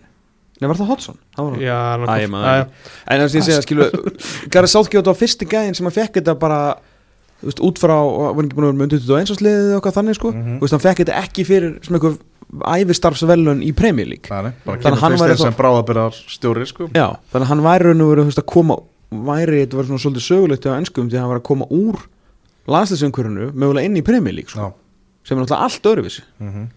Já, það verður mjög fróðilegt að sjá hvað, hvað hann myndi gera. Davís Snorri var hérna í ringborinu að reyna að senda hann til bandaríkjana Strax. Já, það er bara upp á það að þeir þurfa að skipta um fyrir 2026 sko. Já, bandaríska landslið Já. Herðu, þetta er nú meira djöfisins klosterfokki hjá bandaríkjamanum sko. Þeir verða, því miður Þeir verða bara að rífa hana plástur af og reyka Greg Berhalter sko. Þetta gengur ekki upp Herðu, hann er bara ráðin á bróður sínum í þetta samband sko. Ha? Já, ég sá það, það var einhver rosa Twitter þráður bara hvernig einhvern veginn honum var ítt í þetta starf því að bróður hans var gríðarlega valdamikill hann innan sambandsins. Sko, við erum átt okkur að því að hérna, hann hefur ekki, ég manni hvort hann vann jú, hann vann titilin þetta með Columbus Crew þú stil hann mikið með það. Að, hérna, þú veist, og ágætis afreg og því ég veit, ég skil alveg þráhyggjuna og þrána og viljan að vera með heimamann að þjálfa á heimavelli. Mm. sjáum það bara í áttalúslitunum að háum í ár er allt saman heimaþjálfarar. Uh, og auðvitað er það geðvitt að vera með gæja í brunni sem að er bandarískur þegar bandaríkina ætla sér að minnstakost í undanúslit á HM og heimavelli. Ég næði þess alveg. En gæjin er bara ekki nógu góðu þjálfari. Sko þetta Gio Reyna dæmi uh, er Hann er búin að skapa sér miklar óvinsaldir eftir að Tíu Reynar sem svaraði þessu já sko það finnst mér svolítið skrítið af því að mér finnst fáralegt hérna, hjá, hjá Greg Berhalter hann einhvern veginn láta nappa sig út í að tala um þetta. Þetta er okkur lokuð málþingi en svo það, var þetta ekki, ég næ ekki alveg utan um þetta hvort að það sem hann segir sér raun og veru síðan ofinbert en það skiptir engum máli þótt þetta hefur inn í kjarnorkubyrgi hefði þetta alltaf lekið út. Hann, og hann á að vita það. Og hann veit alveg ef hann talar um einhvern eitt leikmann þú veist það var bara eitt leikmaður sem að öll bandarinska þjóðin, þú veist, Soccer Nation var að spyrja sig að okkur væri ekki að spila þannig að auðvitað var þetta Gio Reyna mér persónulega fannst Gio Reyna gera, gera Greg Berholter mikinn greiða með að svara þessu. Ef ég hefði verið að ráðleika Gio Reyna hefði ég sagt bara þegið. Skilur, lefðu honum bara að synda í þessum skít þarna og nýttu bara meðbyrinn sem út að fá með þér þarna, fatturu Ha? ef einhver var, því þetta mun síðan degi á endanum. Þú veist, fólk hætti bara að þessu og byrja bara búndislíkan þú stendur vel og þá mun pendullin sveiflast all, aftur yfir þín. Gio Reyna viðurkendi að vera bara fíbl í þessum póstið sínum Já. hann bara byrjaði ekki einhvern æfingarleik og bara ég er mikill keppnismæður og bara ég fór í fílu og ég nefndi ekki að, hann skrifaði bara, maður, drengurinn skrifaði á Instagram síðanu sína Já. ég var bara lélugur á æfingum og var í fílu og nefndi þess ekki og það þau bara liðsmenn og hérna, liðsfélagi minni þurfti að tala við mig út af því að ég var svo lélugur og svo mikill í fílu auðvitað spilar ekki Já, já. þú ert að láta þessu hálfviti Hann sagði náttúrulega að hann hefði síðan breytt viðhorfi sínu og bara gert allt til að komast í liði það var bara bátur farin Það var Berhalter bara búin að loka, loka glugganum Einmitt. En svo náttúrulega þarftu líka einhvern veginn að pæli því þú, þart á mörgum að halda hversu lengi ætlar að, vera hérna, snúa köldu Já. í, í Gio reyna þegar þú ert að reyna og auðvitað koma inn á síðan hérna á endanum uh, kannski aðeins og sent, ég veit það ekki þetta var bara svona veist, þetta er eitthvað sem að Carlo Ancelotti lendir ekki. Mm. þetta, þetta er bara svona hluti gerist ekki með Carlo Ancelotti þannig að ef að bandaríkin núna ætla næstu fjögur árin að í alvörunni byggja upp uh, lið sem að getur einhverjum drauma heimi náð undanúslitum sem mun aldrei gera veist, það er bara, þetta fótbolti virkar ekki henni það er ennþá 20 ári að bandaríkin nái þú veist, undanúslitum að HM en Mm. lefa sér að dreyma, af hverju ekki það er aldrei aldrei að fara að gerast með Greg Berhalter við stjórnvölin Nei. Það er bara ekki sjens Nei, hann þarf að fara. Hann, hann, hann, það er því miður. Bara þá þarf hann að fara. Já, en ég var hann til Southgate þá held ég einhvern veginn að hann sé núna ná, aðeins að láta mennur að fara á hnéskeljarnar og byggja Já, hann um að að því halda hann er fyrsti áfram þjálfarinn til þess að fá pepp eftir að duttu út innan gæsalhæfu of snemma. Já, og þá heldur þú veist að með því að býða sig hann aðeins og svo tilkýra hann eftir vandlega umhugsun þannig að hafa hann ákveða að halda áfram þá einhvern veginn svona þið sóttu mig skilur Mhm. þið þurfuð að standa við baki á mér því að ég er að út af ykkur er ég að ákveða að halda áfram. Hann er örugglega bara með hérna, Piers Morgan ræðuna á, á repeat sko. Piers Morgan er bara herru, ég hafði, veist, ef hann segir ég hef rámt fyrir mér mm. veist, þá gerðist eitthvað stórt. Já, er þetta hefur ekki Piers Morgan tíma til að pæla í þess að náttúrulega eðir 45 minútum af þessum klukkutíma þætti sinum í Harry og Meghan þessa dagana en, en hann eh, tók samt tíu minna segment um daginn með hérna þetta, sáu þetta, þegar hann var bara með eitthvað svona pólitíska sérfræðinga að fara yfir framtíð Gary Southgate. Nei. það var eins og hann hefði ekki nefnt að bara tók að það er er einhver kall og kona þarna sem eru svona political analyst bara svona eins og hérna, ekki einu svona eins og Þóri Hákona sem er sko lead football political analyst í okkur. Hann fekk bara svona pólitíska analýsera til að mæta inn og tala um framtíð Gareth Southgate og þau voru alltaf bara please verðt áfram sko. Já, það mitt Já, það er, ég hef ekki ennþá séð svona neitt marktakandi sérfræðing sem að vill fá Southgate átt Joey Nei. Barton? Hann, er- já, hann er að Southgate á vagninu Já, hann er á sterk, rödd þar. Kom, komin tími, segir hann. Komin tími á nýja mann. Ef að Southgate sjálfur segir bara ég þarf ekki á þess að ef þú skilur þetta bara komið gott. Ég, ég sé ekki meir. Já. hver er næstur? uh, Pochettino eða Brendan Rodgers? Mun er nokkuð tíman ráða útlending? Aftur Tekur það Brendan Rodgers sem útlending? Mm, nei, Norður Írlandi er náttúrulega United Kingdom sko, hann að það sleppur. Já, þeir tala mikið um það að Brendan Rodgers eigi sér aðdáendur mm. bara innan stjórnarenska fótballtarsamfans já, því trú ég mæta vel. Ah, Rodgers var á einhverju lista talin líklegastur. Ah, talaði um Tuchel líka og, og mitt Pochettino. Já, svo alltaf segir sinna Horki Jesus. Já, Já, nákvæmlega, ég er að reyna að fá hann í starfi og hvað með Allan Körbisli Nei, hérna, já, uh, að því að ég talaði um Rabiot í síðust innkomu. Það voru, eru fréttir voru fréttir í, í gær, förstasmorgun með Lionel Messi, hann hafði ekki æft í gær, sem sagt, eða daginn áður á 50 dag Mm. það má náttúrulega ekki gerast að hann taki ekki þátt í þessum leik. Þetta ætla ég, hann ætla ég að kalla leikþátt. Já, já, þetta var, þetta var opin æfing hjá argentinska landsliðinu. Það voru svona 80.000 manns að horfa á þessa æfingu. Mm. Og uh, þarna kom einhver hvort að skjálóni sjálfur eða einhver af reynsluboltanum hann hefur verið eitthvað bara í nutti Já. að hafa þetta bara svolítið hugge veist, og bara aðeins að fá frakkana upp á tætna sko. Af því að nú er sko Didi innilega. Sams að segja sko bara ei, ale, ale, hann er ekki meittur en það er einhver í franska liðinu sem er bara heldur að gætu við sloppuð Messi, gætu Ja. er það er bara búið að læsa hann inn í bómul og svo bara mætir hann og, og, og, og leikinn sko. Já, Það sé alveg klárt mál. Passiði líka loftræstinguna hjá honum sko. Veist, í herbygginu hans og alls það sem hann er. Já. það er búið að vera smitt eitthvað sko. Hvað ætli sé búin með mikið af þessu kjöti sem er fluttinn? já, mikið Það er alveg lítið eftir. Það er Já. alveg þurft að koma önnur sending. Það getur verið. Áður en við fyrir að hleypa þér á, á strikið eh, Ströð Strökið, hvorki meira en menna Mm. max klukkutífi samt þú voru að ná leiknum. Já, verður að vera snöggur, að, snöggur á strikinu. Herðu hann að Klukkan er náttúrulega orðin Já, hvað? Hvað Eitthvað hér. Já, hvað er hann að Hvað er hann að, er eitthvað að lokum bara? Áður en að við förum í, í smá tónlist og auglýsingar og heyrum séðan í Birkjum á Sæfasinni uh, Mér langar bara rétt örlíta Getur tekið bara fyrst fimm mínútur um hérna kvennaboltan það Eða sérst nýju fréttinar hérna með já, Ef ekki að taka það með Þóri bara Þegar að Setna, á, ok. Já. en byrju hvenar ætli þið að vera aftur strákar? Núna er ég bara sem hlustandi spenntur. Já, næsti lögadagur er náttúrulega aðfangadagur. Já, svo er það. Það verður- það verður- frí þá sko mögulegt því fyrst og fyrsta. Ætli að vera með eitthvað á milli En við- jól og nýjars eða? Já, geta alveg verið kannski. En, En, áramóta kæfan er náttúrulega á gamlást Já. sko. já, við erum Já, í já, beinni, beinni á, á gamlástak Já, ok. Þá gerum við upp árið já, á okkar, okkar sérstaka máta Nákvæmlega. Ég get ekki beðið. Já, Já, Herru, skil ég vel. Við ætlum að leipa tóm á, á, á strikið Já, takk skal og ha. Já heldur Við betur þökkum kjærlega okkar mönnum í Danmarksrætti og fyrir og vonum að Rúf á ekki of háan reikning eftir að Elvar svona kannski ég ætla ekki að segja laug í tölupústinum en, en, en skrökkvaði en líka að tala um bara um þetta þetta vera, ætti bara að vera góð 20 myndir sko þetta Já, þetta er að ég er búin að vera hérna í klukkutíma er hann að ég ég ætla aðeins að, já, já, já Næ, næ, næ, næ, já, næ Hæru, takk fyrir mig, þið haldið eitthvað aðeins áfram ég, ég veit það ekki. Við, hérna, en ég, ég þarf að hoppa á stróið takk fyrir okkur. Þú ert að hlusta á fótbolti.net á exinu 977 Áframhendur útastátturinn fótbolti.net og þessum laugar degi allt snýst um þennan úrslitaleik á morgun Argentína Frakland. Og ég held að sé bara komið tíma á það að við heyrum í einum af strákunum okkar einum af þeim sem að spiluðu gegn Lionel Messi og félögum í Argentínu 2018 á HM vindurinn sjálfur? Vindurinn sjálfur, Birkir Már Sævarsson við ætlum að ringja í hann og ræða þess um uh, þennan úrslita leik hann þekkja nú einnig að spila móti frökkum. Bæði þessi lið, það eru svona tengingar í íslenska landslið og uh, slum að hvort að uh, Birkir sé komin á línuna. Já, Birkir er á línuna hjá okkur, sætla blessaða Birkir, hvernig ert í dag?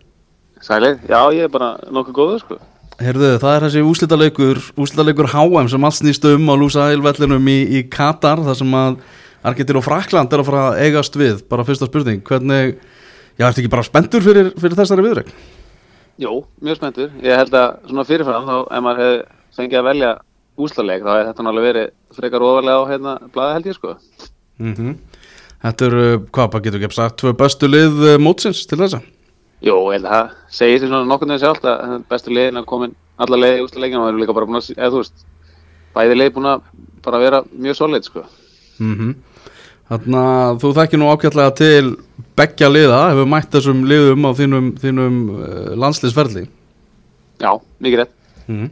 Byrjum bara aðeins á hérna svona frökkunum og bara já, maskinunni sem þeirra landslið er eins og þeirra var sínt, þeir þurfa ekki að vera með neina flugöldarsýningar eða vera ekkert afskaplega góðir til að bara klára leikina með, með sýrum Nei, þetta er einhvern veginn bara, eins og segja, þetta er bara eitthvað svona vél sem að mallar endalust og svo er það með svo mikil gæði hérna, þú veist, bara allstæðan vellinum að þeir, þú veist, þurfa rauninni svo stuttan tíma til þess að skora mark og þeim er einhvern veginn, maður sá þetta einhvern veginn gær líka, þú veist, sérstaklega í setni álunum, þeim er alveg sama og þeir þurfa líka eins tilbaka bara og, og hérna, og sækja svo rætt bara og nota gæðin í þessum fremstu mönnum til að skora mark og klára leikin bara. mm Mm, Hver svona í, í, á þessum fremstu fremstu þremur, fjórum heldur að segja, veist, hver er erfiðast að eiga við? Sko, náttúrulega sem bakur þá er náttúrulega, þú veist, en, en Bapp er náttúrulega bara augljósa svarið, sko. -hmm. Það er bara drullu erfitt þegar hann sparkar hann svona fram í manni og svo bara fer hann á yfirsnúningin, sko. Þú veist, þú getur hann ekkert gert nema bara, þú veist, reyna að vera fyrirboltan þegar hann sparkar í hann eða svo bara brjóta á hann þegar hann er komin í stað, sko. Eða taka þetta svo amrabat bara, taka hérna, harða er löglega tæklingu hann eitthvað eftir 100 metrar Það var sko. geggju tækling sko. alveg Það var rosalegt. var- Maður sá það líka, sko, svona 15 metrum áður en hann hendi tæklinguna, hann var að fara að strauja, sko. Já. Þetta er svona eftir að hafa fylgst með Mbappe, svona sérðu bara þú veist að hann er alltaf að taka leikin sinna á næsta level, hann er að bæta sig á, á öllum sviðum Já, já, já, ég held að það sé alveg auðvitað að hann er alltaf, alltaf, að vera betri og betri og hérna, þú veist, það verður orðin einhver algjör skeppn eftir, eftir nokkur ár, sko, ef hann sleppur öll meðsli og allt svoleiðis, þá verður þetta bara einhver svindkall, sko. mm Hvernig er að, að mæta frökkum á, á stati frans?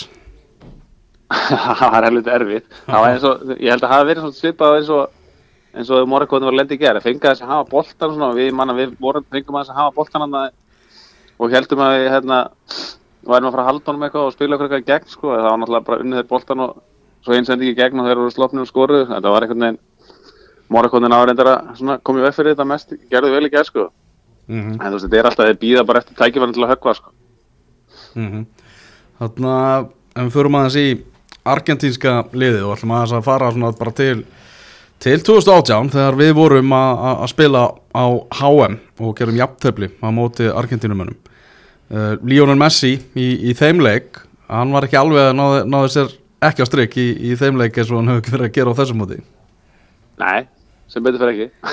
Nei, þarna er ekki bara líka bara stór munur á, þú veist, argentinska liðinu í dag og þegar við mættu þeim og einhvern veginn, það er eins og Messi sé miklu meira að finna sig í þessu lið Já, mér finnst líka bara eitthvað eins og, mér finnst eins og þá hafi verið eitthvað svona, ekki alveg eins mikið svona harmonía í liðinu, svona, ef ég, ég man ekki alveg umræðan upp á mótinu og og hafi verið eitthvað smá, svona eitthvað leiðindi, eða kannski ekki leiðindi, en svona það var ekki alveg sama sem er léttleikin, en núna einhvern veginn eins og þetta sé svona, það er einhvern veginn allir í, í sama bátnum og þú veist, eins og sé bara allir að, þú veist, gera allt aukalega sem geta til að, þú veist, láta Messi vinna hann titil, sko. Þarna, svona, hvernig horfur þau tilbaka bara á, á svona þennan leik, ertu búin að hor, hvernig horfur á hann síðast bara í, í heilsinni Sko, ég hef ekki hort á hann í helsinni, bara aldrei. Ok, Ég ger ekkert rosalega mikið af því, en ég og, hérna, og ólíkali settist nýri sumar og horfðum á highlightsinu. já ok Hérna, og þá, þú veist, í minningunni fannst mér svona eins og þeir hefði ekkert, ekkert verið að skapa sér mikið og eitthvað svona, við hefum verið með þokkalega góða stjórnarleiknum og svona. Highlightsin og svona, þú veist, þeir fengu alveg nóg að færa til að skora svona 3-4 mörg, sko. Fannst mér allan hann færi, Messi var að fá hérna skotfæri sitt með innafútar hérna réttur innan tegi fyrir miði marki og eitthvað sem skoði framjá í stöngin eitthvað manni og það var eitthvað svona bara. Mm og þeir fengi alveg nóg að færum með þessi highlights sem ég sá sko. Þannig að við vorum ekki alveg með sko eins og við, eins og með myndir. Það er nákvæmlega. Um, Birkir, þú upp á þitt besta á móti Kylian Mbappe og Lionel Messi hvor er auðveldar að eiga við? Þetta er alveg gali spurning sko Já, já, alveg en Alveg saman hvernig ég svara hennar til mjög hvað fíl sko uh, Sko, það myndi kannski henda mér aðeins betur uh, Mbappe bara svona upp á mér, mér leiðilegt að spila á móti svona litlum teknískum gaurum sko Mhm. að því ég er með svo, þú veist, háan þingdapunkt og er einhvern veginn lengi, eða þú veist, á svona litlu svæði er ég kannski ekkert frábær en þú veist, það kemur í svona aðeins lengri spretti, þú veist, þá nægi ég yfirleitt mönnum, kannski ekki honum en bappir endar, en svona flestum þá svona nægi ég að klukka eitthvað stæðar á lókum Mhm. þannig að þú veist, allir verði bara ekki af tveimur vondum kostum að verja, velja Mbappe, sko. Ég meina þegar maður er að að verjast þarna Messi eins og bara í þessu þriðja marki hjá Argentinumönnum núna í, í vikunni þar sem hann tekur Jósko Guardiol sem er búin að vera geggjaður á, á mótinu og bara pakkar hann saman. Ég hefði, það hefði engin varnamaður stoppað Messi í, í þessum mann þetta er eiginlega þú veist, það sem að við, þú veist töluðum um hellinga, það mátti ekki skilja hann inn eftir einn og einn á hann, við mm -hmm. og þá er einnig við um flesta af þessum, þessum topp leikmönnum, þú veist, leiður út farin að þú veist, skilja eitthvað bara einn og einn, þú veist, þá er þessi gauðra svo góðir að þeir eru alltaf að fara að fara fram hjá þannig að, þú veist, ég manna við vorum bara, það var alltaf bara tvímann eða þrýmett á Messi, sko. Annars, þú veist, er hann bara að fara, fara fram hjá þeir að lókum, sko. Hvernig var svona upplegi hjá þér í, í þessum leikum á Argentinu? Mátturu fara upp og þú veist, klára hlaupin upp kantina, þú veist, þurftur alltaf að vera hugsa um herru, ég má aldrei skilja minn mann eftir á miðinu til dæmis, þú veist, ef hann eldir þig ekki upp völlin. Já, það var alltaf, við fengum alltaf leiði til að fara, sko.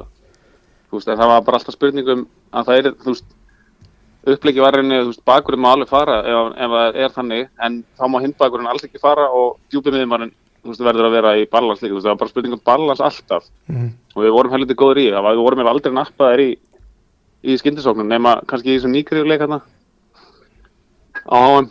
Það var svona leikur í minningu sem manna við svona balans sem var ekki alveg nógu góður í setna áleik allan en annars fannst mér við alltaf þú veist, leysa allt svona bara, þú veist, fullkonlega nánast sko. Mm. Það er náttúrulega, mörg mörg sem mann eftir sem voru skorað okkur skyndisóknum allavega nei, akkurat. Það er eins og maður er að horfa á hægri bakurina núna á móti, nú, já, Kylian Mbappe sem að sinni kannski ekki allt of mikill varnavinnu, hann leifir sér alveg að býða á miðinni og, á móti sér maður ekki hægri bakurinn að fara mikið upp, sko. Nei, nei, auðvitað, er maður, þú veist, þegar svona sérstakir leikmenn, þá er maður með þetta, þú veist, alveg, maður er með þetta í svona, á baku eira, að þeir, þú veist, maður verða, þú veist, hafa sérstaklega auga með, en þú veist, maður má samt einhvern veginn ekki láta alveg, hérna, skemma hjá sér, þú veist, þú verður að fara með í sóknuna ef það er, þú veist, ef það er þannig staði sem kemur upp, hans eru bara miklu færri möguleika sóknarlega. Þannig að, þú veist, mér varst dæmis Hakimi alveg að fara nokkuð vel upp í gerð, sko. Mhm. Þannig að þú veist, en það er bara eins og segja, bara spurning um einhver annar taki sóknar tekníkuna á hann þá í staðinn, þú veist, bara færsla yfir eða eitthvað miðum að taki það, mm þannig að það sé ekki einn einhver staðar því þá, þú veist, er hann að fara að refsa það sko. Hvernig býstu við að þessu úsletaleikur verði? Uh, Það verði ekki frekar lokaður nema að komið mark snemma, Mm. svona grunar að, þú veist, frakkatir náttúrulega eru, eða bæði lið, bara mjög sterk varnarlega, þannig að, þú veist, ef það kemur mark snemma þá, sem að vonandi gerist, þá verður þetta skemmtilegt held ég, Mm en þú veist, það verði ekki bara eitthvað 1-0, eða 0-0 jafnvel. ah, og hérna var ég einhverja framlengu og vító sko. ah, Gæti enda þannig, með, með hverju liðinu heldur í þessum leik? Ég er Argentinu, harður Argentinu. Algjörlega harður, ertu búin að vera það bara allt mótið það? Já, já, já, ég er svona, ég, mér langar svo að Messi vinna þennan titil. Já Ég var svona, ég hef alltaf haldið með Brasilíu á HM bara í gegn fyrir síðan að lítill sko. mm Þannig að það voru þeir og svo bara held ég með Messi. Væri líka gaman ef að myndi klára þetta með titlinum að, svona, að Ísland komi við sögu í svona HM sögu Messi að, að titlinum sko. Já, einmitt. Svo bara finnst veginn, þú veist, maður finnst bara eiga skilið að taka þennan titil líka. Þú veist, það er einhvern veginn, Maradona er alltaf að taka fyrir framann að því hann vann hennan helvits HM titil. mm Ef hann tekur þennan, hann er alltaf að vinna allt. ah, Ég meina Messi er, er hann, er hann bara stærstur af öllum sko. ah, já, Messi er að fara að taka þetta það náttúrulega þetta bara til umræður næstu mánuðina og árin en ef að Frakland tekur þetta þá, þá tek, tekur umræðan svona viku Já, einmitt Það eru bara, ja, það er bara einhvern veginn svona valla frétta að þeir vinna þetta mót, sko. Nei, einmitt, þeir eru einhvern veginn bara Já, það er einmitt ekkert fréttnænt sko. en, en Messi einhvern veginn þess að finnst maður, Messi verður eiginlega að fá að vinna þetta sko. En að fylgjast með þessu móti núna, svona, er öðruvís að fylgjast með heimsmeistaramóti eftir að hafa sjálfur tekið þátt í heimsmeistaramóti? Já, já, það er alveg það er alveg svolítið skrítin tilfinning sko. Mm. Svona, þetta var alltaf svo ógeðslega stórt og eitthvað svona hlakkaði alltaf ógeðslega mikið til að hafa byrjað maður gerir það náttúrulega þá en þú veist, það var einhvern veginn svo stórt og fjarlægt og eitthvað dæmi og svo núna er þetta einhvern veginn svona hlutir sem maður sjálfur upplifa þá er þetta ekki alveg eins svona þú veist, ekki eins merkilegt það er sk- skrítið að hérna, Já, einmitt. útskýra það einhvern veginn Já, nákvæmlega, horfur á leikinu og hugsa bara ég geti verið þarna. Já, maður pyrraði bara að það ekki náða, að ekki að komast veginn Já, nákvæmlega. Þú veist, hefur upplegað að, að halda með Íslandi á stórmóti þá, eða þú veist, verið það sjálfur, þú veist, það er einhvern veginn, þá verður þetta öðruvísi, sko. Mm Þarna á þessu móti, Birgir, margir svona leikmenn bara á, á þínum aldri sem hafa verið að spila bara gríðarlega vel og þarna maður hefur séð það svona aldurspilið milli, já bara það er svo líf, lífaldur fótboltamanna, hann hefur bara augljóslega hækkað. Já, já, ég held að það nú auglust að mennin er fann að spila á háu leveli alveg tölvöld lengur núna, margir mm allavega, eða þú veist, fleiri leikmenn.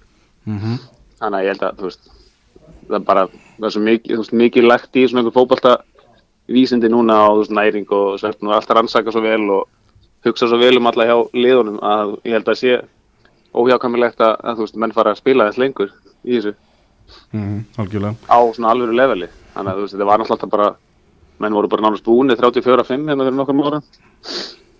Mm En núna, það, þú veist, er ekkert mál að spila til færtus í rauninni ef þú, þú sleppið meðslu og hugsar vel um þig. Já, nákvæmlega, ég meðlum að sjáum eins og Luka Modric sem að bara já, þess að segja, bara hverki, hverki veikan bletta að að finna, maður einhvern veginn svona hugsaði bara, veist, af hverju getur hann bara ekki tekið þátt 2026, Já, það er nálast með að við hvernig hann er, er núna, sko. Já, maður finnst það mitt gali að bæði hann og Messi er þetta líka séu bara að útiloka eitthvað næsta mót, sko. Eða þú veist, það er kannski bara þegar vilja, vilja það sjálfur eða eitthvað. En þú veist, líkanlega held ég að gæti alveg tekið þátt í næsta móti, sko.